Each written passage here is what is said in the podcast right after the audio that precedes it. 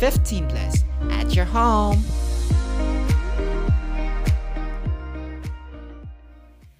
Hai guys, selamat datang di podcast 15 plus.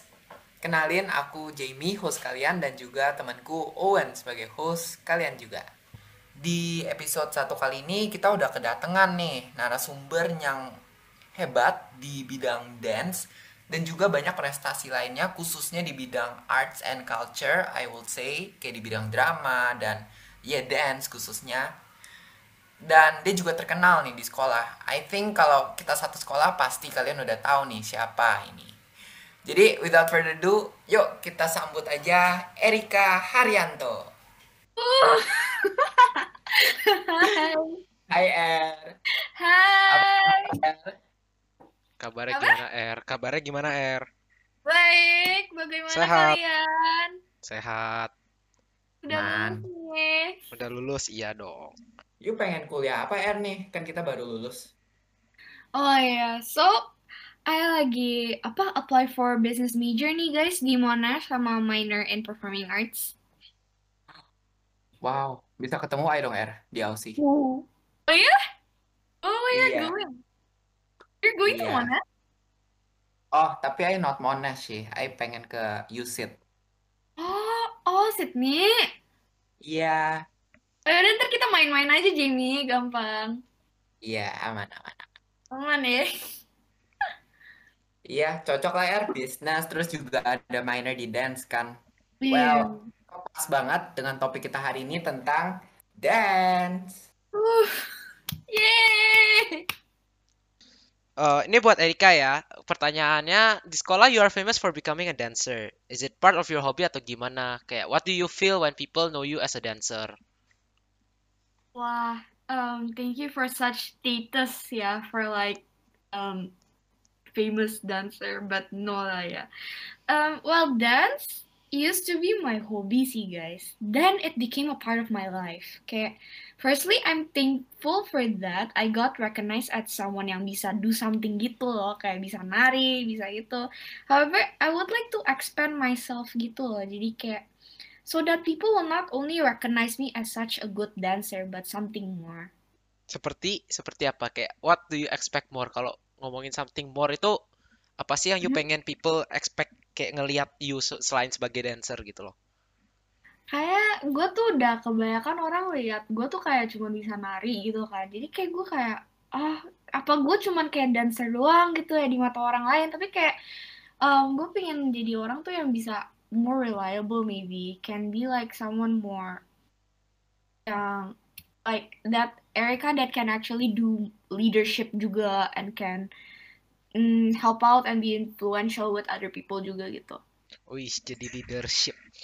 Berat juga ya Iya. kata-katanya ya. Iya dong. Eh, talking about dancing ya, how are you interested in dancing dan di awalnya gimana sih you bisa masuk ke dunia dance itu terus akhirnya masuk ke tim Springfield di sekolah gitu loh kayak Hmm, awal mm-mm. mulanya. Hmm, jadi tuh pertama I ikut nari pertama-tama kali banget tuh ya guys tuh pas kelas 2 itu itu tuh I lagi join afternoon eh afternoon lagi after school program tahu kan yang pas dulu tuh apa yang di halls di PB1 itu.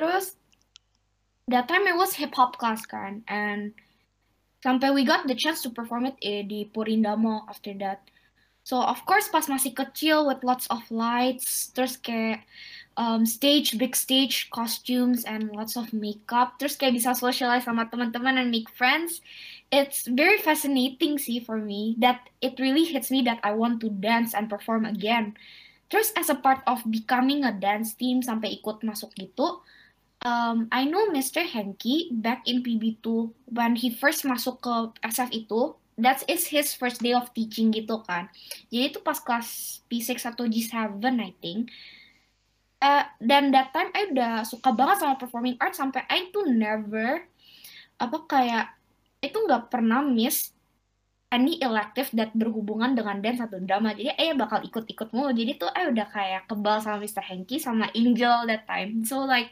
Angel and Mr. Henky is like already my mutual friends terus um, the dance team, a Rebel Queen, itu tuh is formed by Angel and Mr. Henky back in G9. And we're trying to participate for SF Cup kan that time. So they're trying to recruit dancer from drama class and even up um, hold up audition after school to form the to form the teams. Jadi kayak jadi lewat situ gue agak masuknya lewat sana sih.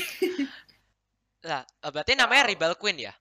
Ya namanya Rebel Queen. Nah, namanya dari mana? Kayak kenapa Toto namanya Rebel Queen gitu loh? Ah, gimana ya? Gue juga nggak tahu ya. Um, I think, uh, oh, kita tuh kita tuh satu tim tuh suka banget sama this one dance team namanya tuh Royal Family kan, Mhm. uh, from New Zealand. I think karena lewat gitu tuh kayak kita juga kayak kerasannya tuh kayak, oh apa kita coba sama-samain aja kayak um, royal family and something to do with like R and Q juga kan. And like to be honest kita juga anaknya kayak rebel-rebel gitu. Terus kayak um, we think of ourselves as queen I think. Jadi kayak kita simply put it as rebel queens. Tapi jujur gue gue juga nggak tahu sih dari ka- dari dari mana sih uh, rebel queens dari mana Jadi gitu namanya Toto namanya keluar aja gitu. namanya tiba-tiba keluar aja gitu Oke, oke. Ya, tapi bagus kok namanya Rebel Queens kayak cocok. Well, dengar your journey itu berarti memang kayak udah dari primary ya, udah dance dan memang from the first time udah kelihatan tuh mulai suka. Jadi pasti throughout these years bisa dibilang udah mulai the dance journey kan banyak tuh achievement-achievements along the way. Boleh gak share the major highlights in your dance journey? Hmm, highlights from my dance journey ya. Um, so most of my dance journey itu uh, most of it actually from school and seberapa juga dari luar sih. Tapi to summarize it all, I think the most highlight the the highlighted part tuh kayak we did like four concept di sekolah kan from throughout the years. Terus we did uh, we get like 15 trophies. And like we also got prize monies and it's lebih dari 12 million sih I think.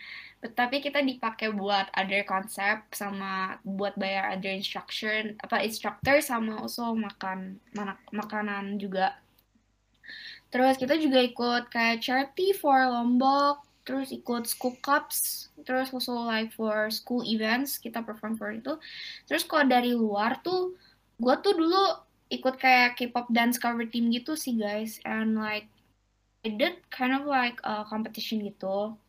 Nah kalau di competition gitu, kita tuh banyak levels in compete apa competing apa competing. Jadi kayak ada sekolah misalnya SMP, SMA, publik gitu kan. Kalau misalnya di K-pop dance cover ini tuh ada rookie, hube sama senior.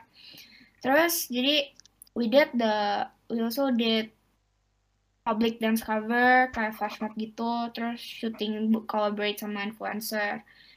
Terus selebih-lebihannya gue abis itu lebih fokus ikutin musical sih. That time, I ikutnya kayak Sound of Music, Mamma Mia sama Wicked, jadi dancer sama sub sub actresnya. Dan when there's corona juga, I sempat bikin kayak dance online kelas gitu with my friend Gwen. Oh iya, Ya kan? You guys know it, right? Ingat, Gwen. ingat. Benar-benar. Yang sampai diajak ya, Ai juga disuruh belajar loh waktu itu. kalian bun kayak itu fun banget loh. um, even it attracts some people to join. Dan tapi karena abis itu kan kita masuk ke semester 2 terus harus fokus A levels terus ya kita mau nggak mau harus uh, hiatus bentar. Abis itu udah sih I think um, I think that's the highlight of my dance performing art journey. Banyak loh, Wow, banyak banget banyak loh. Wan. Agak banyak ya. Achievement, achievement boleh sih, R achievement. Kalau nggak salah kan udah sering juara kan Rebel Queen juga. Amin amin. Thank you. Jadi iya achievementsnya banyak sih Achievementnya juga gitu. banyak sih, bener. Rebel Queen. Iya, sampai more than 15 kan. Aku ingat banget sih dulu pas G11 ya atau G10 yang kayak winning streak terus kan. Unstoppable. Itu capek loh guys. kayak bener-bener kayak the next day langsung competition, terus next day competition. Tapi kayak karena dedication from other apa kayak other teammates juga kali ya karena mereka juga kayak oh ya udah let's just do it karena mereka semuanya juga passionate sama dancing juga kan jadi kayak Hmm. ya udah let's just go for it and makanya kita bisa Iman thanks the Lord juga kita bisa kayak win first place Iman Iya, berarti basically hard work pay off lah ya. Udah latihan Iya. susah-susah, akhirnya juara. amin banget nih Er, you bawa tentang solid team, makanya bisa saling support sampai menang. Kita pengen tahu nih, kan berprestasi dan ngomongin dance ini kan Erika dance-nya kebanyakan grup ya.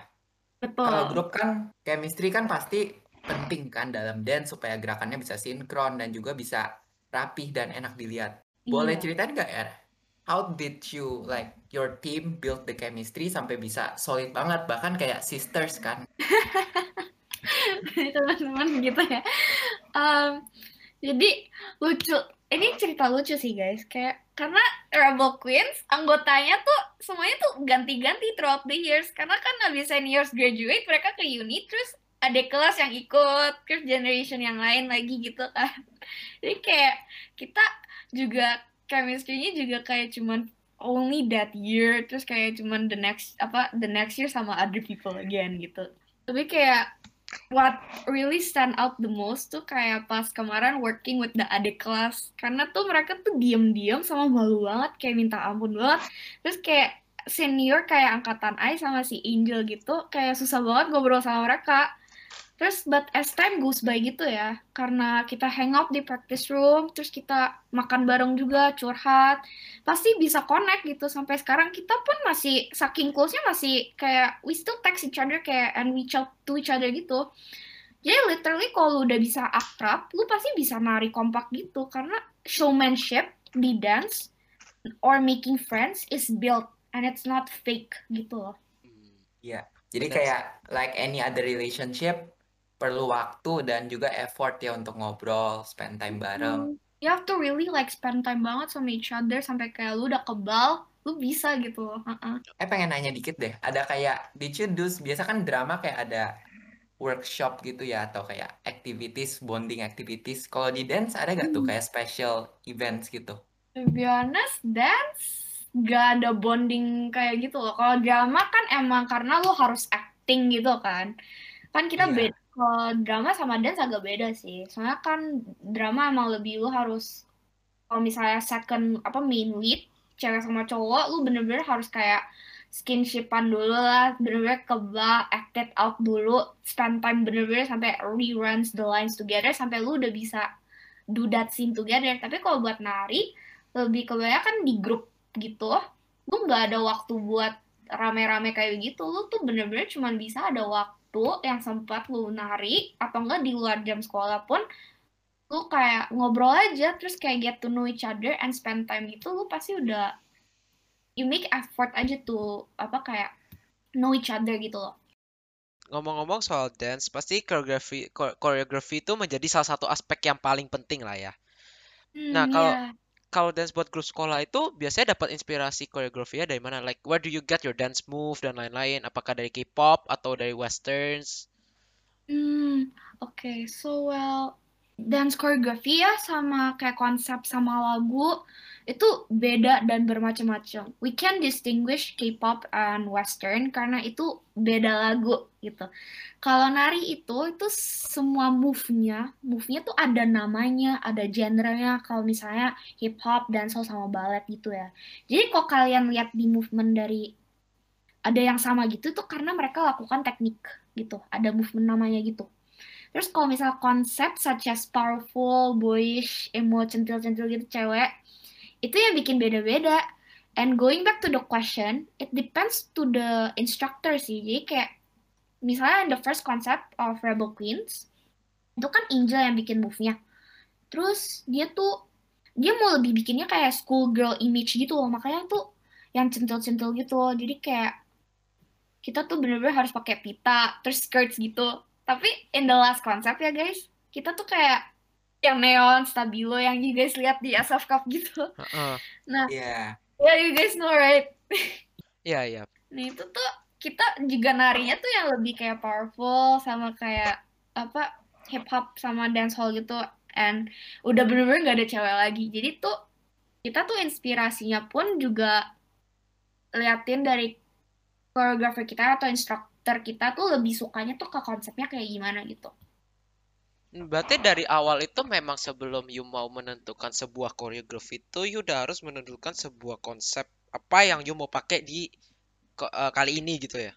betul betul sekali. Misalnya kayak lu misalnya udah mau apa let's just go for this kayak I wanna do divergent gitu loh. Let's do divergent concept. Jadi kayak lu udah tahu lu kalau misal konsep lu jadi divergent gue jadi kayak apa tuh dauntless let's do dauntless gitu for all out kita jadi dauntless brave hitam gitu apa Hmm, kayak but movie ya guys bener juga sih. Berarti kayak maksudnya eh koreografernya biasanya cuma satu yang ngelit gitu ya. Yang lainnya ikut, betul yang lainnya baru ikut gitu. Tapi konsepnya bareng-bareng atau tetap leadernya itu yang milih?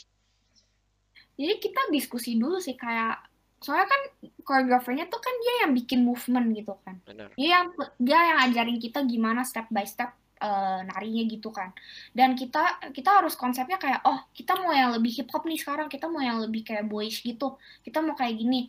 Terus ntar koreografernya tinggal kayak ajarin aja oh kita kayak gini gini gini. Terus ntar dia bantuin ki- bikin blockingnya sama teach one by one movementnya. Terus tapi konsepnya kayak makeup segala outfit gitu kita anak-anak nih yang dance team yang cariin gitu Berarti outfit bikin atau udah beli kayak jadi gitu? Oh, kita cari satu-satu. Itu tuh something last time in the our first apa?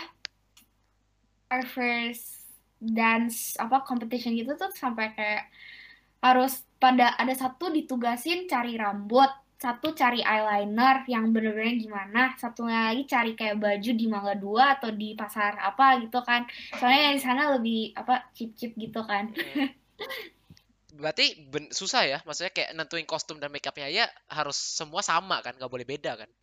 Iya, itu pun juga kayak itu makan waktu banget sih sama kayak bener-bener kayak lu udah harus plan out, lu udah mau jadi kayak this kind of look, lu harus bersihin kayak begini gitu loh. Hmm, bener-bener. Tapi ya at least kan akhirnya menang gitu loh. Amen, amen. Hard work paid off. Bener. Walaupun susah tapi tetap yang penting juara ya kak ya.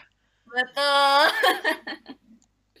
Oke, berarti kita tahu ya tim dari sekolah itu udah juara banyak kali lah ya. Gak usah ditanya lagi, kayak satu Springfest juga udah tahu sih. Amin, amin, Tapi amin. masih ada nggak sih something you guys yang belum achieve maybe or is there something yang kalian masih pengen achieve yang belum kalian achieve sampai sekarang? Maksudnya udah juara berkali-kali pun ada nggak sih masih kayak hal yang you guys belum achieve? Kalau boleh as a team atau mungkin personal goals juga since next year kan eh, ya basically sekarang sih kita udah lulus kan ya dan habis ini kan yang lanjutin otomatis yang adik kelas kan kayak apakah semuanya you udah achieve selama your time in Springfield sama your time in Rebel Queen atau ada ada yang masih you belum achieve gitu yang you pengen achieve Hmm. Jadi sebelum corona itu sih ada tiga member kita yang mau ikutan kayak hip hop championship gitu. Itu tuh yang battle-nya yang public advance gitu dan seputar Indonesia. That's like the biggest competition in dance kayak World of Dance gitu.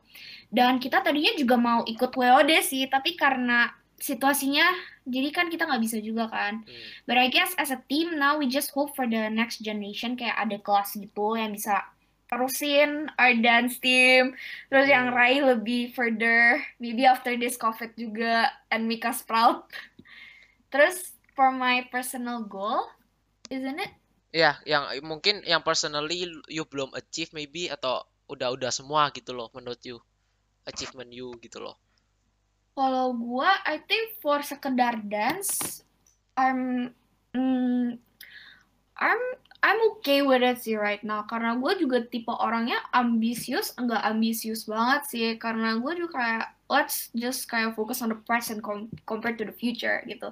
Tapi right now gue lebih suka ke dramatic art gitu sih. Jadi kayak I can't wait to go to uni and like focus on acting later on di sana. Hmm, berarti menurut you sekarang achievement you udah udah basically udah ses- udah cukup lah ya? Maksudnya kayak apa apa yang you pengen udah teraih gitu? Uh, right now, alright. Uh, gue belum ada goal baru sih. oh. Berarti maksudnya gini kayak awal masuk dance itu goalnya apa sih? Kayak goalnya you pengen menang gitu atau atau you pengen kayak nama Rebel Queens itu terkenal di kalangan sekolah-sekolah gitu loh kayak apa sih goal lu awal masuk Rebel Queen Jujur, kalau misalnya kalian sebenarnya tanya satu tim pun, semuanya tuh pasti bilang begini, kita tuh goalnya apa sih? Goal kita cuma yang membuat nari gitu, karena nari really mix kayak you guys stay together gitu loh, like you guys socialize and like like doing something you uh, love together, right? And you sebenarnya ikut event lain-lain gitu, ikut cups gitu tuh sebenarnya kita juga nggak tahu. Kita sebenarnya mau ikutan lots of cups karena pas I think it's uh, ya grade 11 atau grade 10 gitu kita baru di tahu kita bisa ikut cups luar gitu. Kita bisa ikut kompetisi yang lain. Terus kayak kita oh really? Dan kita ya udah kita goalsnya one by one ikut-ikut aja ikut kayak let's just join we didn't know we're going to win first place loh sekali tapi kayak sekali kita win first place the next time again we win first place it really kayak motivate us to do well and well again sampai kita goalsnya emang just do our best gitu. Hmm, berarti ya awalnya juga nggak bakal expect sampai sejauh ini kan kayak menang-menang-menang terus gitu loh. Cuma, We didn't expect it at all. We really kayak kita cuma that little high school girl just wanted to dance and be in a dance team. Didn't know kita bisa kayak meraih this kind of awards gitu loh. berarti sekadar hobi doang digabungnya jadi satu grup gitu kan. Iya. Jadi ya pastinya udah menang kan juga kelihatan ya RU bakatnya tadi juga udah sempet cerita tuh dari primary udah mulai dance. Tapi kalau Hmm. kita lihat lagi the first time you really really dance itu you ingat gak mungkin pas masih kecil atau someone's birthday. Do you remember kayak umur berapa? My first time dancing ya. Um, I think yang what I can really I I have short term rem- apa memory loss guys. I bener-bener otaknya itu kayak Dory. Jadi um, mungkin kelas 2 ya yang I told you about it. I think it was 8 years old. Itu yang bener-bener I masih inget banget. I ikut after after school program itu yang hip hop. I think that time tuh I bener-bener kayak introvert banget gitu kayak bener-bener kayak I never join any dance gitu. Terus dari pas you pertama kali di primary itu your parents tahu gak? Do they like support you? Yeah, they're actually very supportive of me. Kayak to be honest nggak dari nggak dari primary gitu sih. Kayak dari dulu um, they found out I suka nari tuh yang pas I ikut Rebel Queens gitu kan. Sama kayak Ya. ikutan apa kayak dance dari luar sekolah juga. Jadi tuh kan mereka udah lihat wah ini apa kayak wah nih anak suka nari ya gitu kan. Jadi kayak they're totally supportive of me gitu. Every lomba I told them and mereka really proud of me gitu loh. Wah menang ya deh gitu. And tapi however once my nilai went down pas G9 gitu karena kebanyakan activities from school kali ya sama sempat larang sempat bener-bener kayak larangan banget sih. Um, they really kayak against me apa against me from nari gitu. Tapi they told me until you can organize and manage your time well um, they're okay again. Sampai sekarang gue masih bisa ikut nari karena gue masih udah bisa udah bisa apa manage my schedules and everything sekolah juga sama nari gitu jadi kayak keep it up like that Iya, iya. Nah, ini actually this part yang I beneran pengen tahu nih. Karena like, I think it can relate to more than just dancing. Yaitu tentang confidence. Dancing itu kan, iya pasti di depan banyak orang kan. Di panggung-panggung yang beda-beda. Hmm. So, how do you learn to be confident? Kayak dari awal, emang you selalu confident ya, Er? No, I am very insecure. I insecure banget, sumpah. Kayak, oh, maybe what people see me gitu tuh kayak Erika yang berisik, terus Erika yang sociable. Tapi kayak teman A yang kayak maybe they're the closest one kayak teman-teman cewek A gitu. They know how shy and sensitive and how low I am gitu. Kayak I guess I learned to be confident by dancing gitu and going on stage. Tapi kadang-kadang gue juga bisa malu sih. Tapi because I love to entertain people and make them happy and just to make them to make their day gitu um with with bravery and that kind of mindset I did it gitu I I can do it gitu kayak and when you build it one by one it really builds your confidence gitu and because they love it and I really enjoy it jadi gue kayak pede aja gitu Berarti memang you juga mengalami tuh yang namanya proses dari insecure, terus Yes. coba aja, makin lama makin confident sendiri.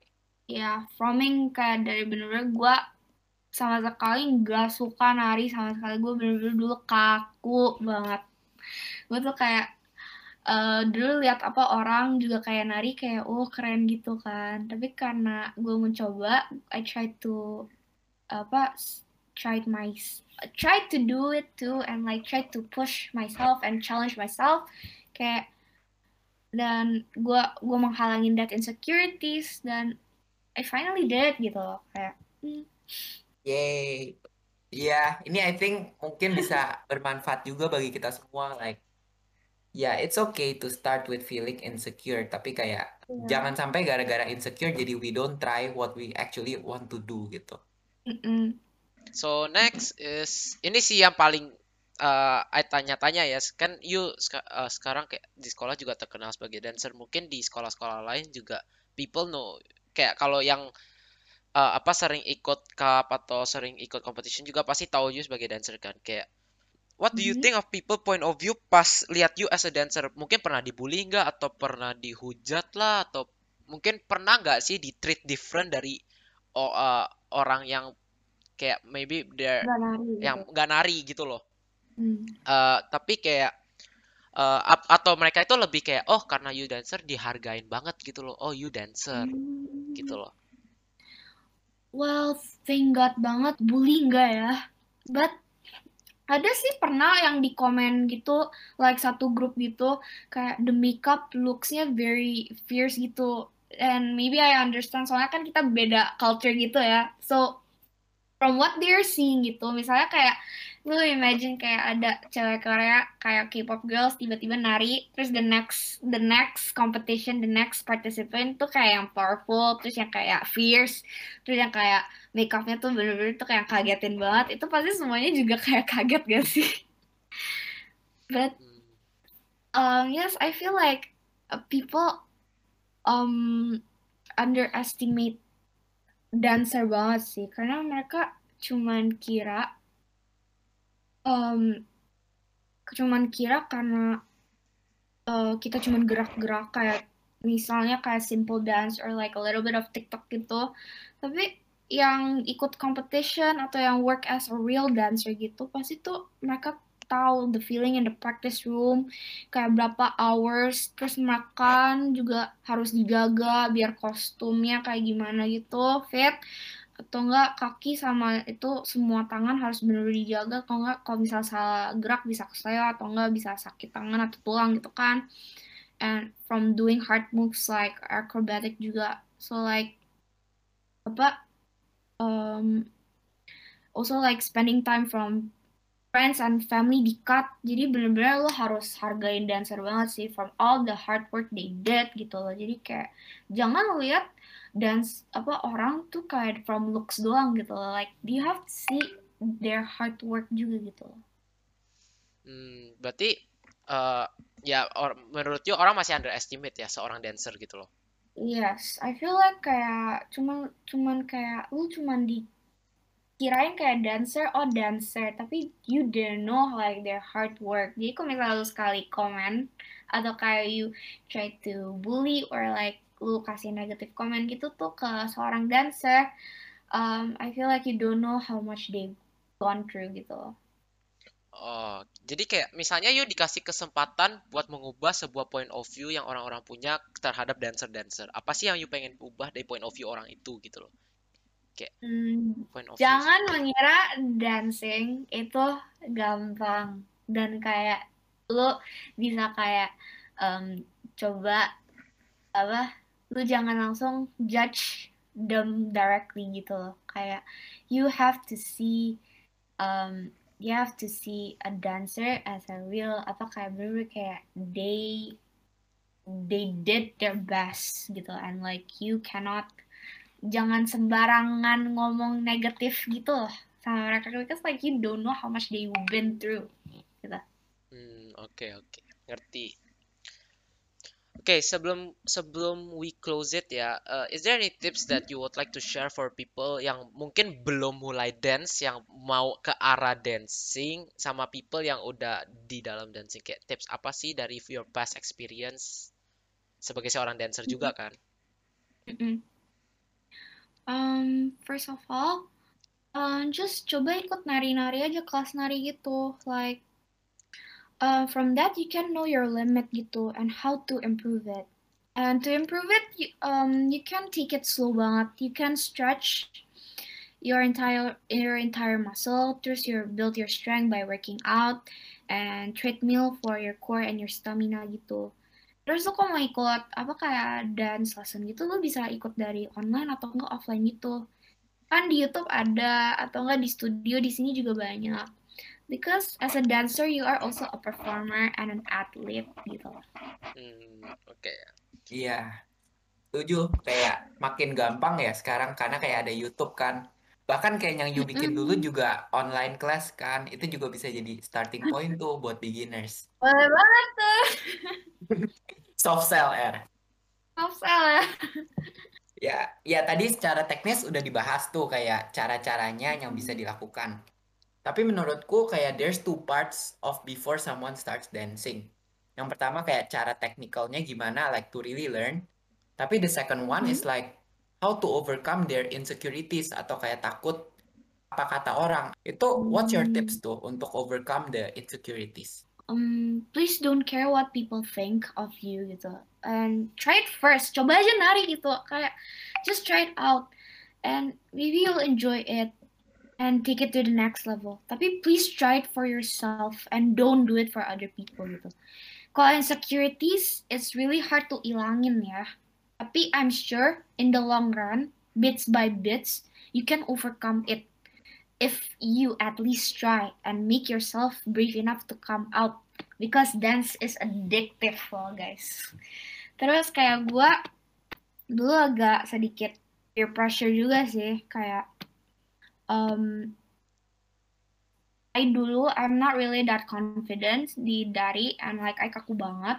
Tapi karena gue lihat temen gue yang bisa nari gitu that really motivates me kayak Eileen sama Gwen sama Michelle they are really great dancer from the start. And like karena gue karena gue kayak feel good kayak uh karena mereka keren banget. Dan gue mau jadi kayak juga sekeren kayak mereka. Gue coba gue practice and like um and it really apa motivates me to do better and better sampai gue really enjoy dancing. So do it for yourself not for other. And like try it coba aja coba gitu karena gue dulu juga nggak suka nari gitu Coba aja dulu guys and see where Hmm. you'll be. Mungkin menang banyak kayak Erika juga. Yeay, akhirnya kita selesai podcastnya juga bersama Erika. Thank you, Er, udah datang ke podcast kita. Iya, we really enjoy untuk belajar kayak your point of view as a dancer kan. Mhm. And mungkin kalau ada teman-teman yang mau nanya-nanya lagi nih about dance atau apa pun itu, where can they find you, Er? Um, you can find me in Instagram. Maybe uh, you can slide to my DMs at Erika at Erika Haryanto. Erika Haryanto. Oke deh. Semoga teman-teman di rumah juga enjoy ya denger ya podcast episode ini mendapatkan inspirasi atau pelajaran yang bisa membantu kalian in your life. Kalian juga boleh banget follow IG kita at 15 Productions untuk info seputar podcast kita. And as usual, thanks for listening. See you guys in the next episode. Bye bye. Bye.